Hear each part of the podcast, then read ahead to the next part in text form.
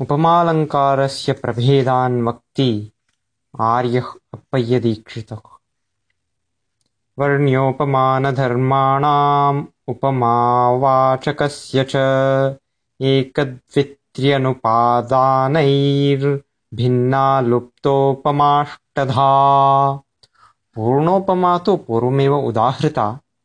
इदानीं लुप्तोपमायाः अष्ट प्रभेदाः प्रदर्शिताः किञ्च वर्ण्यस्य नाम उपमेयस्य उपमानस्य धर्मणः अथवा क्षम्यतां धर्मस्य अथवा